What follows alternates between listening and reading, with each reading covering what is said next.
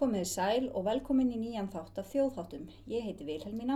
Og ég heiti Dagrún. Með okkur í dag er Auður Viðarstóttir, þjóðfræðingur sem hefur meðal annars rannsakað upplifun hvenna tónlistasköpun og er nú í doktorsnámi. Velkomin auður. Takk fyrir. Ef við byrjum bara alveg á byrjuninni, hvað var til þess að þú ákvæmst að læra þjóðfræði? Já, sko, ég byrjaði í mannfræði, kláraði BA í mannfræði. Svo var bróði minn í þjóðfræði svipum tíma. Um, þannig ég var alltaf svona með, uh, meðvitið um hvað hann var að fást við þar og hann talaði svo vel um þetta allt saman. Var í efnismenning og allt þessu. Um, og svo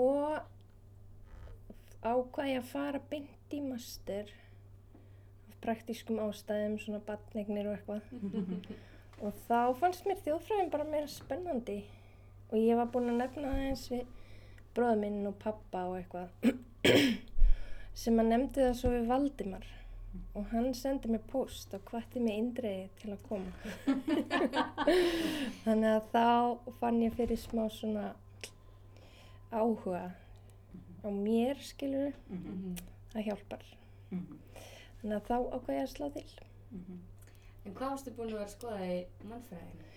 þá um, B.A.ritgerinn mín var um dauða og sorg á internetinu Vá. sem að mér finnst ennþá mjög áhugavert viðfangsefni Mhm. en þetta var árið 2013 þannig að það var svona ennþá að mótast einhverjar síður og vennjur kringum það þannig á Facebook þegar fólk deyr og svona Mhm. það var ekki alveg komið, ég veit ekki kannski núna er það aðeins orði aðeins búið að jafna sig Mhm. hvernig fólk hafa sér á netinu í kringum andlat og einhverja svona vennjur búin að myndast ég veit það ekki, það væri gaman að skoða þetta aftur Tíma.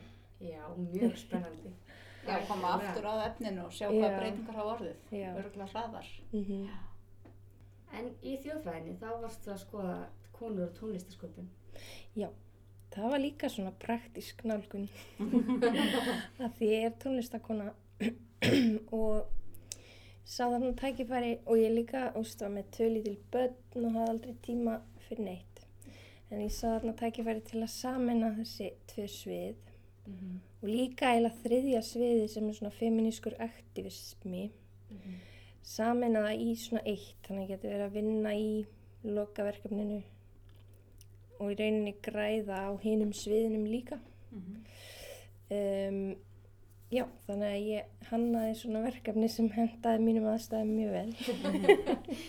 Gert. þar sem ég var að skoða sko tækni og tónlist út frá feminísku sjónarhóðni um, það, og það tók ég viðtal við tónlistakonur á Íslandi um hvernig þær nota tækni í tónlistasköpun og flutningi. Og um, einmitt, að því ég var sjálf eiginlega á s- þeim stað líka, ég var að undirbúa að gera mína einn svona sólóplötu og var að vinna í því að finna út úr hvernig ég geti gert hana alveg sjálf. Veist, upptökur og vinslu og allt þetta. Eða þetta með hjálp svona undir lokin en ég var líka sjálf sko að læra á græjur og átta með þess á þessum heimi. Já. Þannig að þú tókst við tölvið tónlistakonur en byggði líka á þinni reynslu. Já, Mm akkurat Getur þú sagt okkur aðeins frá viðtölunum og svona aðferðinum? Já, þetta voru held í 17 tónlistakonur allt í allt og mörg viðtölinn fóru fram þar sem þær unnu, þú veist, í stúdiói eða heima, margar unnu bara heima. Þar sem við vorum með græðunar veist, í seilingar fjarlæg þannig að það gátti sínt mér hvað þær voru að tala um og svona. Þetta var svona svolítið, þetta voru viðtölinn líka smá svona þáttöku aðtöfunum leið. Um, og svo fór ég líka bara, veist, þegar maður er að gera svona rannsókn þá er maður bara eitt stort uh, rannsóknartæki. En ég var líka á tónleikum mikið og spila sjálf svolítið og, um, og líka í gegnum vinnuna með tónlistasamtökunum Stelpur Rokka. Það var svona svolítið óformlega með veist, það sem ég var kannski að kenna uh, eða halda vinnusmiðjur um hitt og þetta tónlistatengt. Þannig að maður er alltaf að taka inn eitthvað svona eitthvað eh, sem er að gerast í kringum mann og viðhorf og þú veist, alltaf með þessa rannsóknardagbók Mhm, sem er samt mest kannski bara í hausnum en uh, já. Þannig að þetta var svona eh, bla- sambland en viðtölinn gáfi rosalega skemmtileg gögn mhm, af því að þær fóru svo þeim fannst þetta náttúrulega þær höfðu mikinn áhuga á þessu efni allar mhm, held ég fóru, fórum oft svolítið djúft þú veist í pælingar og þá verður til svo mikil svona mhm. þekkingarsköpun En einmitt, þú byrti niðurstöðnar í vorhefti skýrnis núna Já. fyrir á þessu ári og getur þú kannski einmitt sagt okkur frá þessum áhugaverðu niðurstöðum? já, einmitt niðurstöður, það er alltaf svolítið erfitt. að negla niður að þetta var svo að ég veist, tók svo langan tíma að svona, einmitt, koma að niðurstöðu. Um, í, í greinin í skýrni er ég aðalega þarna í feminíska vinklinum. Því ég tók þetta eiginlega svona sér í þrennt, þú veist, það var út frá tónlistakoninni sjálfri út frá græjunum, svona efnismenningin og svo út frá samfélaginu og þar var þessi feminíski vingil sterkastur. Þannig að ég var í rítgerðinni skoða ég bæði þú veist þetta nána samband tónlistakannina við græjurnar sínar og hvernig það er velja sér græjurnar og hvernig það er læra á þær. Mhm, og síðan um, það sem er svona, getur verið mjög brött lærdomskurfa og síðan setni partur ríkjarinnar er uh, um, um þetta samfélagslega mhm, sem að er svo stert einmitt á þessu sviði þar sem að við erum með þessar uh, staðalmyndir um að konur kunni ekki á græðina sínar. Mhm, og það kom rosalega stert fram hjá öllum eiginlega, ég reyndi sko, þú veist, ég reyndi að ekki íta því í þá átt, en það kom samt alltaf fram. Eh, allar hafa annarkvort lendi eða hýrt sögur af því þegar að ráðin eru tekin af tónlistakonni kannski hæk, eh, lækkað í gítarmennar eða mækstandurinn hérna útskýrt fyrir henni hvað mækstandur er og hérna og uh, já, svona alls konar svona litlar sögur sem hafa svo mikil áhrif á hvernig þær svo haga sér. Þegar þær fara inn í ákveðnar aðstæður til dæmis bara inn í hljóðfærabúð einn talaði um að hún þarf svona að gýra sig aðeins upp í áður hún lappar inn mhm. og svona vera búinn að googla allt um málið. Fyrirfram. Já, e, þannig að hún þurfi ekki að láta í ljósn eins konar vannþekkingu mhm, og hérna og já, hljóðfarabúð eða þá inn í þegar þær koma í hljóðpröfu eða svona soundcheck fyrir Mhm. tónleika. Mhm, það eru líka alls konar skemmtilegar sögur þaðan. Og eini mitt talaði um hvernig þetta versnar eftir því að hún var sko í hljómsveit sem þær hafa túrað svolítið. Hvernig þetta versnaði alltaf því sunnar sem þær kæmu í E- Evrópu til dæmis. Og þá þú veist tekur því bara valla að taka slægin einu sinni. En það, en það er svolítið svona áhugavert hvernig þær stundum hverfur bara tónlistakonan mhm, i- innan um þessa græjur. Eins og það var einn sem er gítarleikari og hún lappaði upp á sviðið og þar var einhver sviðsmaður að raða upp og kallaði svona allir hinn í hljómsveitinni það voru þetta á blöndu hljómsveit. Mhm. með strákum líka og kallaði eitthvað, "Heyrðu, hvar á þessi magnar að vera? Og þetta var hennar magnari og hún bara, heyrði, hafði hann bara hérna. Og hann bara heyrði hvorkin ég Ja. sá. Og held bara áfram að kalla í strákana. Mhm. þannig að þetta er svo rosalega djúft í hérna fólki og hlutum. Mhm, þetta er oft ómeðvitað Mhm. og ég lendi svipið eins og ég var ég að spila með bróðum mínum eða bræðrum mínum og var svona samplera græja sem að ég var nýbúin að fá mér og bróðum minn var bara eins að hjálpa mér á sviði í dangrútaka og svo eftir tónleikana það var önnur hljómsveit og strákur í henni sem hafði áhuga á sér græju og var að spurja eitthvað út í hana og hann spurði bara bróðum minn Mhm. og ég reyndi svona að hérna koma inn með eitthvað, þú veist, Mhm. einhverja staðrindir en hann heyrði það eiginlega ekki og bróðum minn var bara eitthvað, já, ég reyndar kann ekki dána, sko, ég var bara aðeins að hjálpa henni hérna með en já, þannig að þetta er svolítið fyndið stundum og hérna og út af þessu meðal annars þá eru margar tónlistakonur hérna í viðtölunum kom fram hvernig það er svona um, það er hérna skipulagja sig aðeins í kringum þetta. Mhm.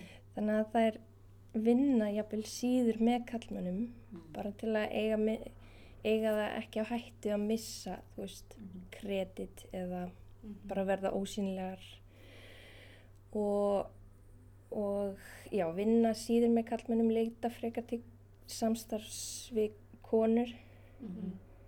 eh, og hérna að því þær finna svo mikið fyrir þessu vantröstu um leið og já eins að um leið og bætir tækni inn í tónlistina þá missir fólk allt tröst á konum. Og þá líka við um svona eftirvinnslu þú veist eða hvað heitir það, upptöku og svona hljóðvinnslu. Já þannig að þær vilja helst umkringja sig konum til að vinna með Mhm. og líka bara passa ótrúlega vel upp á þeirra nafn sé þar sem það á að vera og svona því það þarf svo lítið til Mhm. að það bara detti út. Mhm.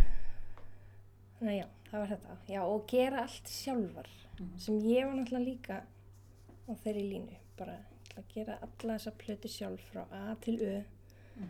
til að sanna, þú veist, að ég geti þetta og það voru margar líka þar, þú veist. Og svona að veigra sér aðeins við að fá kallmann upp á svið til að hjálpa sér Mhm. því þá myndi allir gera ráð fyrir að hann hefði útsett allt og græða þetta allt Mhm. og eitthvað. samið þetta og þannig að, já. Þetta er mjög áhugavert. Já, þetta er líka áhugavert út af því að reynir líka að nálgast þetta þannig að þetta sé svo uh, að, að mörguleiti, ekki alltaf þú veist, en sérstaklega í Íslandi þar sem við taljum okkur vera komin Mhm. svolítið langt Mhm. svona í jafnrétti kynjana Mhm. en það sé svo ótrúlega ómeðvitað og fari líka í hináttina þú veist, að ég hef heyrt stráka segja, þú veist, það er bara alltaf gert ráð fyrir að ég kunni á það Mhm. Og þá það sem gerist þá er að þeir þurfa eiginlega bara að redda sér. Og þannig læri maður þú veist, ef, að, ef það er kannski í kennslustofu og kennarinn er lendir í einhverjum teknilegum vandræðum og bendir bara næsta strák, er hérna gott að hjálpa mér aðeins. Þú getur auðvitað að græða þetta. Og hann bara uh, veit ekkert. En svo þú veist, uh, þarf hann bara að redda í Mhm. og það er einmitt þannig sem við lærum á tæknina, þú veist, með því að þurfa að finna út úr því, Já, prófa sér áfram. Já, prófa sig áfram og en að rekast á hindranir og komast yfir þær og svona. Mhm. Þannig að ef að minnstrið er svona, það er alltaf gert ráð fyrir að strákanir kunni það, Mhm. þá hlýtur það að þróast þannig að þeir þá fá þessa þekkingu gegnum að þurfa að redda sér. Mhm. Og þá byggja þeir upp mikla þekkingu á lengum tíma Mhm. Eh, og það var, var einn til dæmis sem að sagði, ég, veist, ég hefði vilja byrja miklu fyrr Mhm. að hel- hella mér út í þetta þegar hún byrjaði eitthvað upp úr tvítugt og fekk svona tilfinninguna að hún væri svo langt á eftir öllum hinum Mhm. strákunum í græjumálum og svona e, þannig að það er líka það þú veist og þessi tengjast líka fyrirmyndir. Mikilvægi sjáanlegra kvenkins fyrirmynda í á á bak við græðunar Mhm. bara til þess að veist, að að stelpur og konur gera þessa tengingu þú veist, að já, ég geti gert þetta því hún er að gera það. Það voru margar sem töluðu um það sko. Mhm.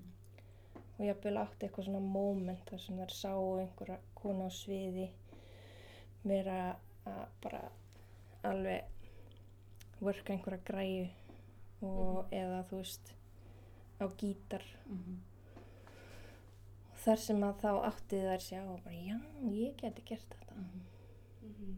þannig já, það er svona En Þú lýsir hérna að, svona, mér fyrir, að þetta sé eins og kannski svona alltaf pínu mótvindur sem Já. stelpurnar lenda í á, á þessu sviði já, og það einmitt. beita þarna mitt svona náttúrulega til að bara fóta sig og lifa af þá hafa þær ákveðin bráð eða Einmitt. hérna sem þær eru að nota Akkurat.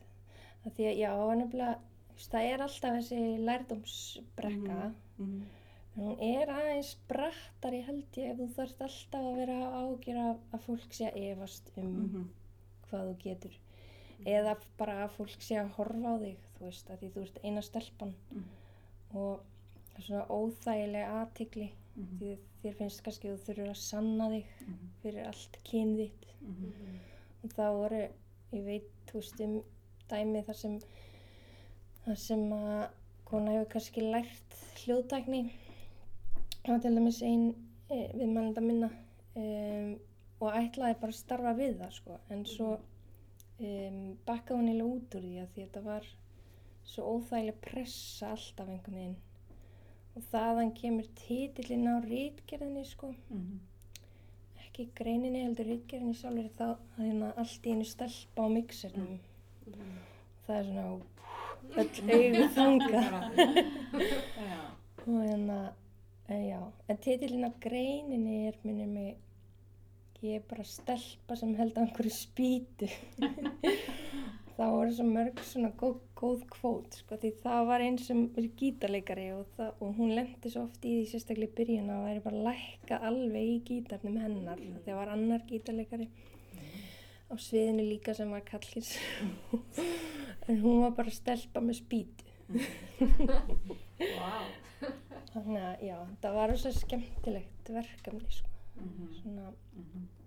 því þær voru svo reyðbúnar til að kafa ofan í þetta með mér líka En það er svo áhugavert, talaður um hérna svona pressuna og svo talaður áður um fyrirmyndir. Fannst þér svona að þær fyndu til ábyrðar sinnar að vera síðan þessar Já. fyrirmyndir? uh, já, Mhm. pottjætt, að því sumar sko e, það er svo misjant hvort þær voru eitthvað mikið að spá í að leiða þennan kynni allavega að taka Mhm. þátt í einhverju skipulegu feminísku starfi, þú veist, sumar vilja ekkert endilega vera í því, en það voru svona allar á því, meira og minna held ég að að passa upp á að vera sínileg Mhm. og gera hlutina sjálfur og gera þá vel Mhm. og einmitt bara til að vera sínilegar fyrir næstu kynslu Mhm. þú veist, hvort sem að þeir höfðu einhvern áhuga á e, feminísku starfi eða ekki. Mhm. þá gerða þær sér allar grein fyrir þessu atriði af Mhm. því að þær höfðu svo margar sjálfar upplifað hvað það er svona um, e, áhrifamikið Mhm. að sjá einhvern gera það sem þú vilt gera. Mhm. einhvern sem þú tengir við. En að því að ég var aðeins búin að skoða rítgerðina þá fannst mér eins og þær hefðu margar talað um mitt Björk. Já, já, já, sem þetta fyrirmynd. heldur betur. Já. Það var ein enna saga það var ein sem var bara fimm ára þegar vinur hennar sagði að hún þegar vinur hennar byrjaði í hljómsveit. En sagði henni að hún mætti ekki vera með. Því, því stelpur eru ekki hljómsveit en svo þú veist nokkrum dögum setna sá hún Björk í veist. Mm. þannig að það sem hún sá veist, hafði miklu meiri áhrif heldur en það sem vinnur hennar sagði. Og uh, já og fleiri þú veist það voru mjög margar sem töluðu um Björk. Og uh, það er líka kannski svolítið að því hún er okkar svona Mm. um, og líka af því hún hefur talað um þetta sjálf það var samt ekki fyrir en bara 2015 í viðtali við Mhm. Pitchfork Mhm.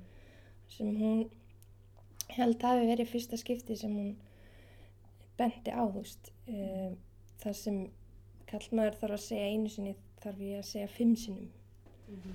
og, og oft eru mínar hugmyndir um, já, mér minnir hún hafi sagt tala líka sko um hennar hugmyndir þú veist e, ég man ekki alveg hvernig hún orðaði það, en þú veist það er svo mikil hætta á að það sé eignaða kallmennum. Mhm. Þannig að hún hefur unni í þessu samhengi Mm. samt einn uh, áhrifamesta og uh, bara tónlistakona í heimi, skilur Þannig að það er ekkit, þú veist, að því sem segja, já, en þú veist, hvað með Björk, skilur hún hefur náð árangri. Mhm. já, en það hefur verið vesen, Þetta er svo oft. Hvað með já, þannig að það er ekkert að marka, þú veist, þó að þessar stóru stjörnur séu ótrúlega mikilvægar fyrirmyndir. Mhm. Það má ekki bara líta á það sem, já, já, tjekk, það var þetta komið. Því Mhm. það snýst líka mikið bara um flóruna, grasrútina og margbreytileikan, Mhm. ekki bara, þú veist, toppana. Mhm. Mhm. Þannig að, en nú er ég komin, þú veit, fjögur ár Mhm. og það hefur heilmikið breyst, Mhm. Mhm. held ég. Uh, allavega hér á landi er rosalega mikil grúska Mhm. og fjölbreytileiki upplifi ég allavega í tónlistarlífinu og bara konur og stelpur út um allt að gera snild. Mhm. Þannig að þetta er pottitt á rétti leið Mhm. en svo líka út af því að þessi struktúr er svo, þessi kynjaði struktúr er svo djúft falinn sumstaðar að það þarf svo lítið til að það rökkvi allt aftur í sama Mhm. far. Mhm. Þannig að maður má aldrei, maður má aldrei segja, já, já, þetta er komið. En svo áhugavert þessi tenging líka á milli, þú veist, stráka og tækni sem er svo rosa sterk. Já, sem er, þú veist, ég var eitthvað að reyna líka að finna út úr því hvaðan hún kemur, skilur, en það er mjög erfitt að segja. Veist, Þetta er líklega bara allt sem tengist framförum og snilligáf og eitthvað svona alltaf tengt kallmennum. Um, en málið er að fyrstu margar af fyrstu raftónlistar uh, frumkvölum voru konur og hérna það voru konur sem operatiði fyrstu tölvu í heimi árið 1946 eða eitthvað. Þá þurfti, var það heilt herbergi og þurfti sex manneskir til að Mhm. operata hana. Mhm. Um, og það voru konur sko, en það voru samt kallar skrifaðir fyrir öllu veist, hönnunin í öllu því. Þannig að hérna, þetta er líka bara skekkja í, veist, hvernig, bara, hérna, hvernig sagan er sett fram við þetta eins og Mm. þekkist í flei, á fleiri sviðum. Mhm. Um, þannig að ég var líka að velta fyrir mér í greininni, sko, því það er alltaf að tala um konur séu 2-5% pródúsenta og það eru þá upptökustjórar og svona þeir sem sjá um tæknilega vinslu tónlistar. En það eru held ég miklu fleiri, eða það er allavega miklu fleiri konur sem hafa þessa þekkingu. En það eru bara meira að vinna fyrir sjálfar sig og þarf svo lítið til að nafnið er að detti út af kreditlistanum. Mhm. Þannig að þessi talas er, segir ekkit endilega til um raunverulega þekkingu hvenna, Mhm. Mhm. heldur bara það sem þær fá kredit fyrir. Mhm. Þannig að, já. En þú talaði ráðan um hérna, einmitt, uh, hvernig þetta tengist feminisma og, aktivista starfi sem þú tengist Já. sjálf líka. Getur þú sagt okkur frá því?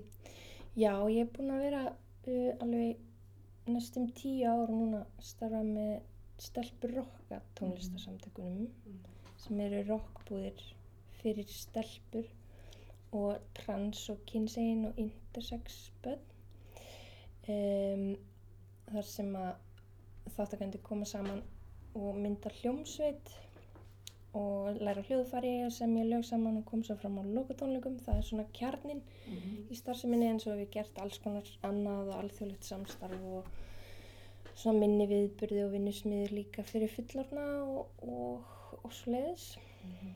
og þá er það hana, einmitt þetta með fyrirmyndir sko og að skapa svona rými með önnur lögmál Mhm. Mhm. þar sem að í upphafi sérstaklega þá pössuðum við rosalega mikið upp á að væri engin karlmaður veist, uh, eitthvað að tengja fyrir okkur eða Mhm. reyndar þurfti þess stundum að því við vorum ekki með húsnæði og svona. Mhm. En þú veist, það væri við sem værum að bera græðunar á milli og setja upp og allt þetta og kallanir fengu að elda mat og passa börn. Þannig að þetta var svona mjög meðvitaður viðsnúningur Mhm. bara til þess að skapa þetta rými þar sem þessar staðalmyndir e, missa svona mátt sinn, sko, allavega í þessa einu viku. Mhm. Af því það gerir svo mikið held ég fyrir, sérstaklega ef þetta er fyrsta upplifun þáttakanda af tónlist, að þá hérna, ef að fyrsta sem þú sérði er þetta, þú veist, bara hérna, konur að gera og græja allt, þá gerur bara ráð fyrir það að sé þannig, Mhm. held ég. Það skiptir svo miklu máli en að, að því þarna já, þegar krakkar eru bara að móta sína e, sín á veruleikan. Ég held það skiptir máli, sko. Mhm. Þó svo að þessir krakkar muni aldrei taka upp hljóðfæri aftur en þá ætlum við að vita því að það þarf ekki að vera Mhm. svona. Að því að, já, ég segi aldrei líka í greininni að fyrst þá var alltaf ve- verið að býða eftir stórstjörnunum úr stelpur okkar og svona að, hérna, að við myndum bara framleiða kvennabönd og eitthvað svona Mhm. en það var alls ekki tilgangurinn Mhm. þetta sneri, þó það ger, gerðist alveg og er ótrúlega gaman um, en það var svona aðeins stærri pæling sko, Mhm. Heldur en að vera framleiða stórstjörnur. Þannig að já. Já, skemmtilegt. Þetta er búið að vera í gangi síðan... 2012 Um, þannig í rauninni er núna tíunda starfsárið. En ég held við ætlum að halda upp á tíu ára amalið samt á næsta ári. Mhm. það er 2022 Síðasta ár telst náttúrulega ekki með, þannig. Já, svo er líka það, við opnum með mitt rými í janúar 2020 Mhm. Já. og ég náði að spila einsunni á því sviði. En svo, hérna, ég er ekki búin að vera hérna, mjög viðriðin starfið, en bara svona hliðalínni, en þær hafa, veist, uh, náð að vinna sig alveg í kringum þetta COVID, sko. Mhm. Bara svolítið meira vesen. En ég, það náði alveg að halda uppi smá svona vetrastarfi í nýja rýminu og, Mhm. Frábært. og svo náðu við alveg búðum sko síðustu tvö sumur af því að kom náttúrulega gat alltaf í gat í takmarkaðunar. En ef við skjótum því inni að hérna, tónlistanafnið þetta er Rauður, er það ekki? Jú, Og ert ekki á helstu streymisveitum ef fólk vil hlusta á jú. þig? jú, ég er þar með plötuna mína sem kom út 2019 Já. sem var líka smá afrakstur meistarverkefnisins. Af því að ég lærði svo mikið á því bara um tækni líka. Já. og svona að trista bara mitt eigið innsægi og heyrn, þú veist, og, og reyna ekki að einhvern veginn ná upp í einhverjar annara manna kröfur um gæði til dæmis, hljóðgæði, svo Mhm. afstætt. Mhm. En svo reyndar hérna hjálpaði bróður minn mér með loka. Maður þarf alltaf að fá einhvern annan, skilur, Mhm. Mhm. í hérna önnur eyru. Mhm. Já. Þannig að, e, já, já, hún er á Spotify, Mhm. platan. Já, snilt. Er ekki mitt glögt er gests eira? Jú, það er alveg neðslegt líka því maður verður svo steiktur í eyrunum. Já, þetta er eins og ég rít að skrifa bara það sem maður er alveg bara... Algjörlega, mjög svipað ferli, sko. Já, er það ekki? Jú, svona, jú, það væri meira sér grein, sko, í, hana, eftir Tom Odell og, og Willim, minnum ég alveg örglega því þeir eru, held ég, tónlistamenn líka, þjóðfræðingar og það er einn grein þar sem þeir eru að líka svona rannsóknarferlinu og etnografísku rannsóknarferli við að búa til tónverk. Mhm. Því maður er að taka svona búta hérðan úr þaðan, Mhm. sampla svona og setja það saman, búa til eitthvað nýtt sem hljómar vel. Mhm. Þannig að já, það var skemmtilegt Mhm. að svo líking væri til. Mm. Ef við erum bara örstuðt í hérna, efnismenninguna og svona tengsl hvernana við síðan græðunar sínar. Já, Hvernig er það? e, það er, þetta er svona ferli sko. Þú veist, alveg frá því maður áttar sig á að mann vantar eitthvað. Mm. Þanga til maður er búin að gera rannsóknarvinnu á Google oft og þang til maður finnur það sem mann vantar og svo tekur maður heim og reynir að læra á það Mhm. eða setur upp í hillu Mhm. í smá tíma og þar verður það svona þrúandi uh, býður eftir manni að maður fari að nota það Mhm.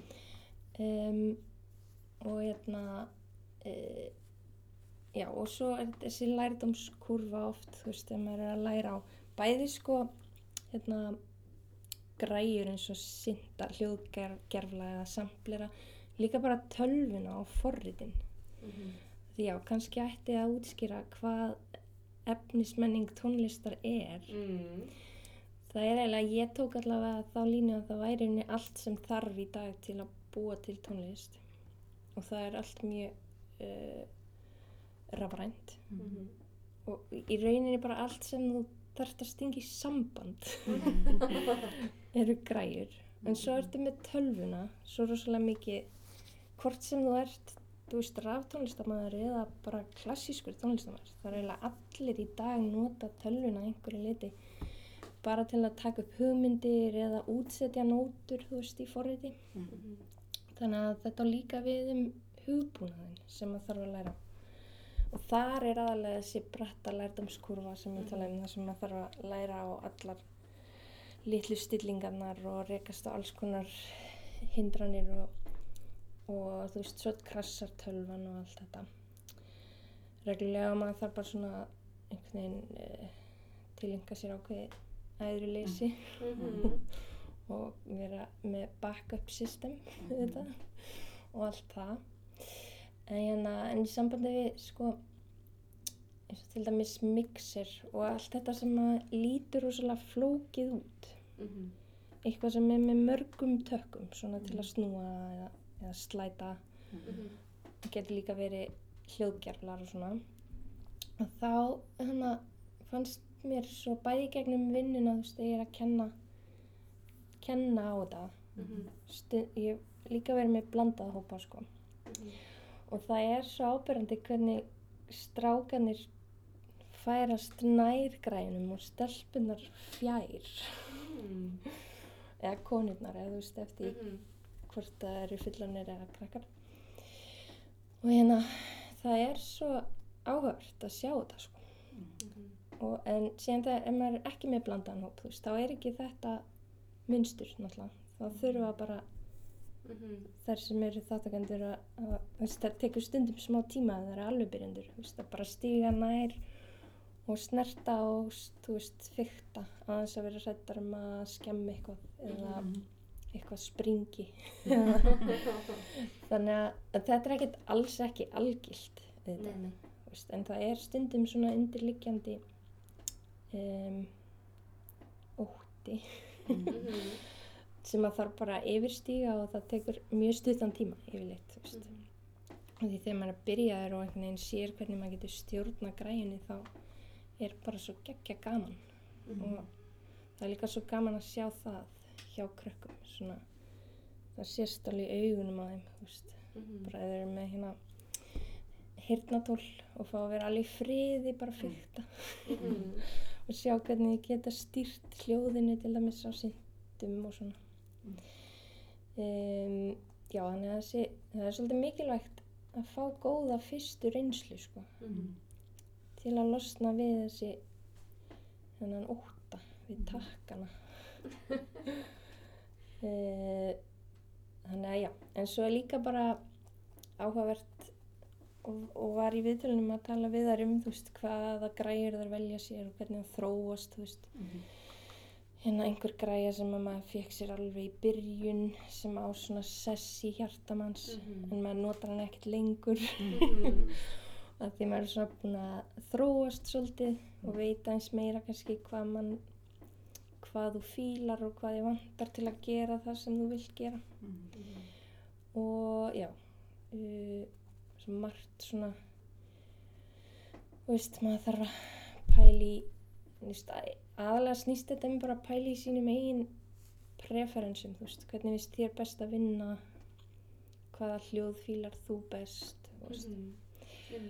og það er svona stundum talað um, þú veist, það var einn sem að heyrði í einhverjum synda og bara fann í líkamannum þetta er minn syndi. Og hún bjó erlendis og hún fór í lestaferð. Mér langar lestaferð til að, að því hún sá hann auðlistan Mm. annari borg sko og keift hann Mhm. Neðar, já, Þannig að líka þessi svona persónulegu tengsl við Já. þessi ráftæki. já, ég mitt Mhm. og um, ég hef líka vitnað svolítið í Susanne Sjani sem er eina af þessum raftónlista frumkvölum það svo skemmtilegt myndband með henni á YouTube þar sem hún er að kenna og synda í svona barnaþætti síðan 1970 eitthvað og hún er að, að hérna útskýra þú veist mitt hljóðfæri er þetta, þessi rafgræja mm. hljóðgerfil og hér get ég þú veist tjáð mig og svona og það snýst bara um hvað ég legg í græjuna, þú veist hvað hún gefur út og það er alveg sama með skilur fiðlu eða Mhm. hvaða hljóðfæri sem er, þetta er ekkert öðruvísi skilur, þetta er bara það mannlega í græjunni Mhm. eiginlega alltaf sem skiptir máli.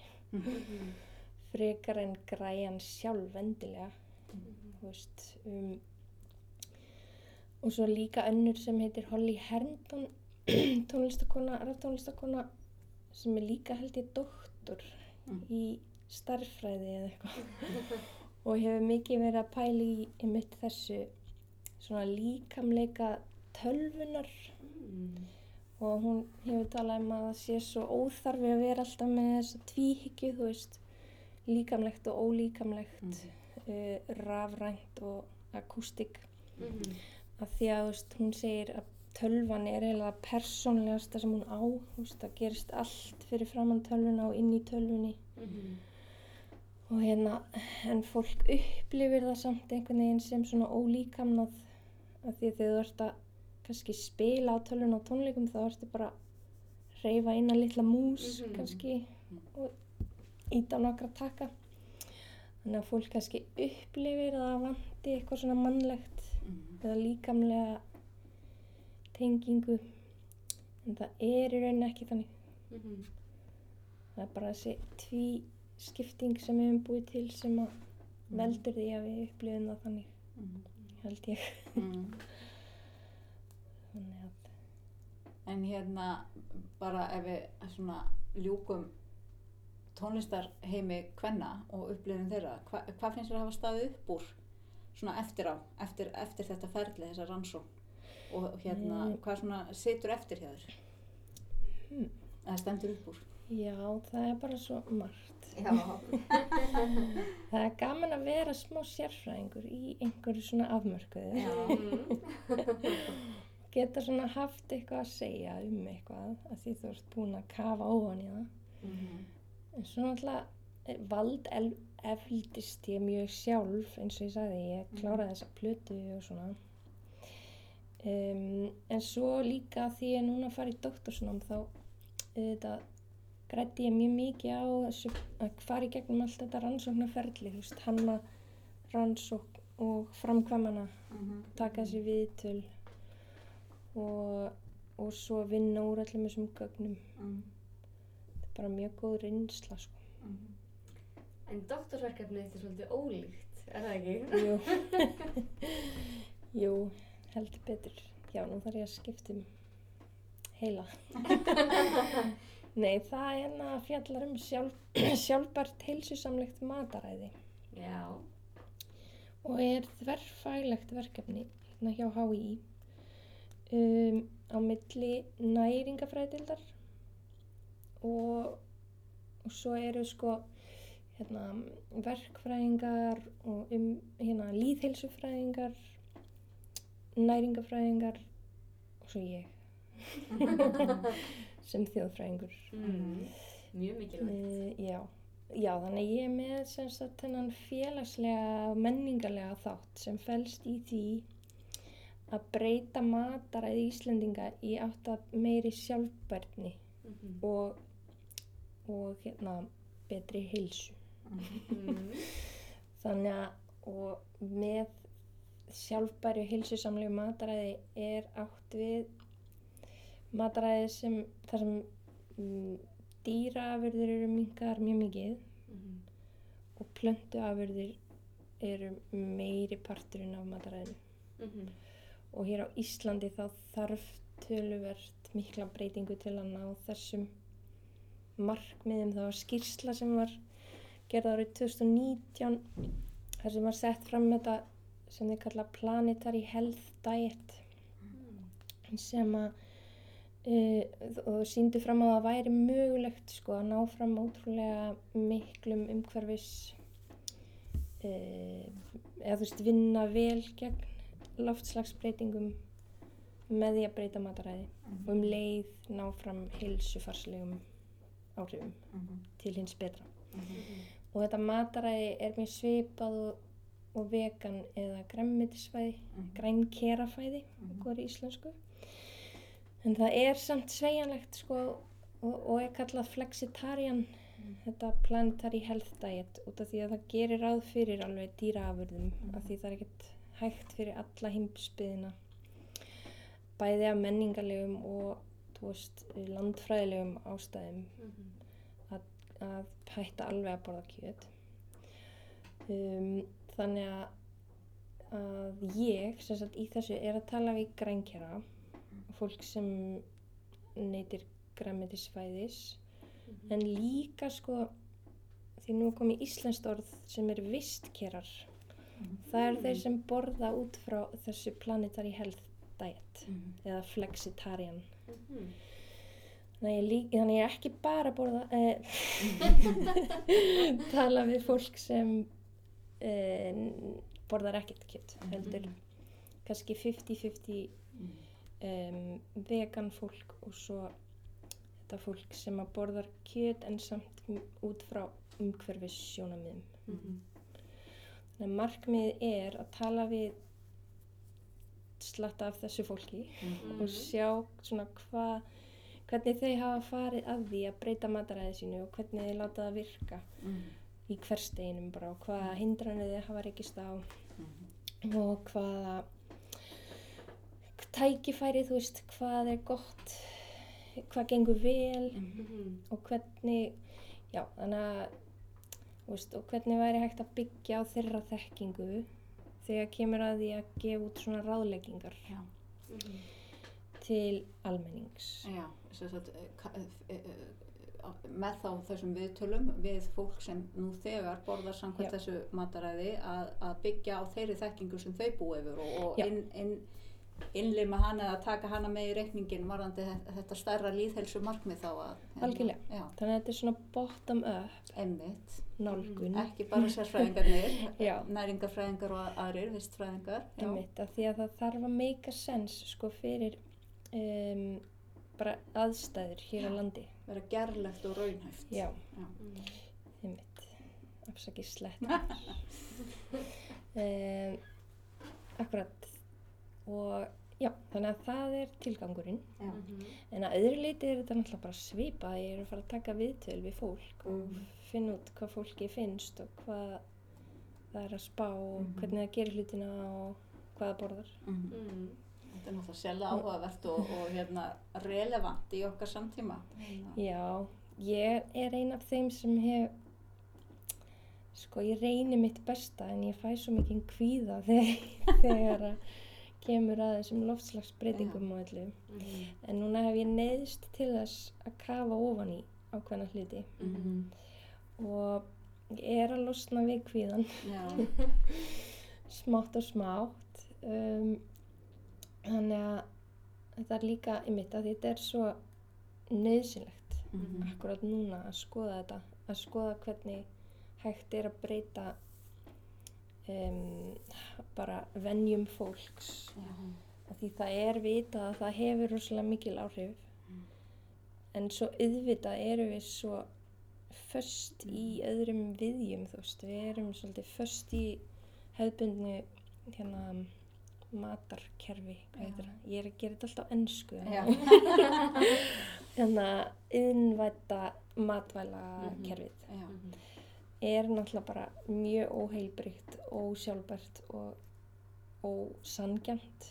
Þú veist, fólk vinnur frítt og matur miklu ódýrar en hann ætti að vera, veist, og, Mhm. og bara stórfyrirtæki græða á öllu og, og þú veist, ég var að lesa grein, svona uh, næringafræði grein, þar sem að vera að útskýra, að mikið mat er ekki eins og matur, heldur bara búið til úr hráefnum og látið líta út eins og matur. Ég held að þetta sé meira kannski í þess að vera með fordóma en þú veist. Þannig að það er svo margt hérna eh, sem að þarf að laga þar og auðvitað þurfa fyrirtæki líka að taka þátt. Mhm. En það þarf bara að gerast á öllum stigum, þú veist, Mhm. bæði stórfyrirtæki og e, stjórnvöld og einstaklingar. Og þarna er einmitt kannski ekki síst mikilvægt að kanna, kanna fólkið á, á göttunni, hérna, fólki sem, sem þetta bæði hefur áhrif á og hérna, er, a, er að velta þessu fyrir sér og, Mm Og fólk sem er búið að finna Já, lausnir, veist, við ákveðnum Já. kannski staðbundnum og vandamálum sem að e, eiga við hér á landi. Mhm.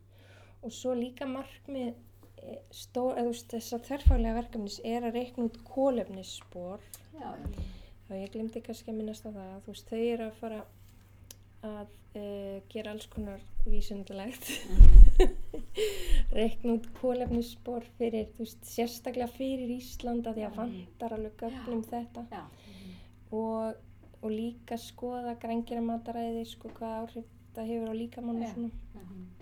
um, þannig að það er mjög mikilvægt að gera þessa rannsókn á íslenskum aðstæðum Mhm. uh, og hérna það vantar ósað mikið gögn sem fólk getur byggt á Mhm. og hérna líka sko að því á Íslandi náttúrulega, nú er ég búin að vera að skoða þetta vel það er sko ný eh, hérna hefðbundi mataræði á Íslandi þú veist, eru fyrir yðnvæðingu var 90% dýraafurðir Mhm. En svo með yðnvæðingu og svona stórmarkaðavæðingu og þegar fór að vera meira innflutt Mhm. þá fór það nýr í 43% Mhm. sem er ennþá mjög hátt. ég veit ekki alveg hvað það er nákvæmlega núna en það er mjög hátt miða við þessar uh, tillögur í þessu planetary health diet.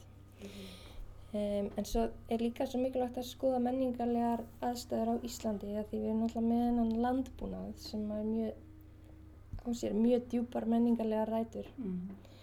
og ég held sko að ég sé alveg ágætt í þetta verkefni út af því að ég er alveg upp í 101 Mhm. 107 kringum vegan fólk og bara marga bestu vini sem eru vegan og líka fjölskyldummeðlumi en svo all fjöðu fjölskylda mín eru hérna bændur á norðan Mhm. og þar var ég á hverju sumri Mhm. og, og þau framleiða kjöt og borða mikið kjöt og mjölkuvörur og, Mhm. og þarna er svolítið stór gjá á milli þannig að ég persónulega hef aldrei tekið svona mjög uh, róttæka stöðu Mhm. Mhm. í þessum málum bara svona til að geta haldið friðin báðum einn. Mhm. Uh, þannig að ég er svolítið, hef áhuga að skoða þetta líka. Þessa Mhm. spennu þarna á milli og hvernig er hægt að uh, navigata hana, Mhm. eða svona Mhm. vinna með hana Já, á uppbyggilegan hátt. akkurat. Algjörlega mjög spennandi, það verður gaman að heyra hvað kemur út úr þessu öll saman. Já, Já. þessu þarfa verkefni. Mhm. Vonandi eitthvað gaglegt. Já, við vonum það. Öruglega. En þá bara þökkum við þér kærlega fyrir komuna, auður, og gangi þér vel í doktorsnáminu og öllu. Takk sem er leiðis. Og takk fyrir að hlusta. Verið þið sæl.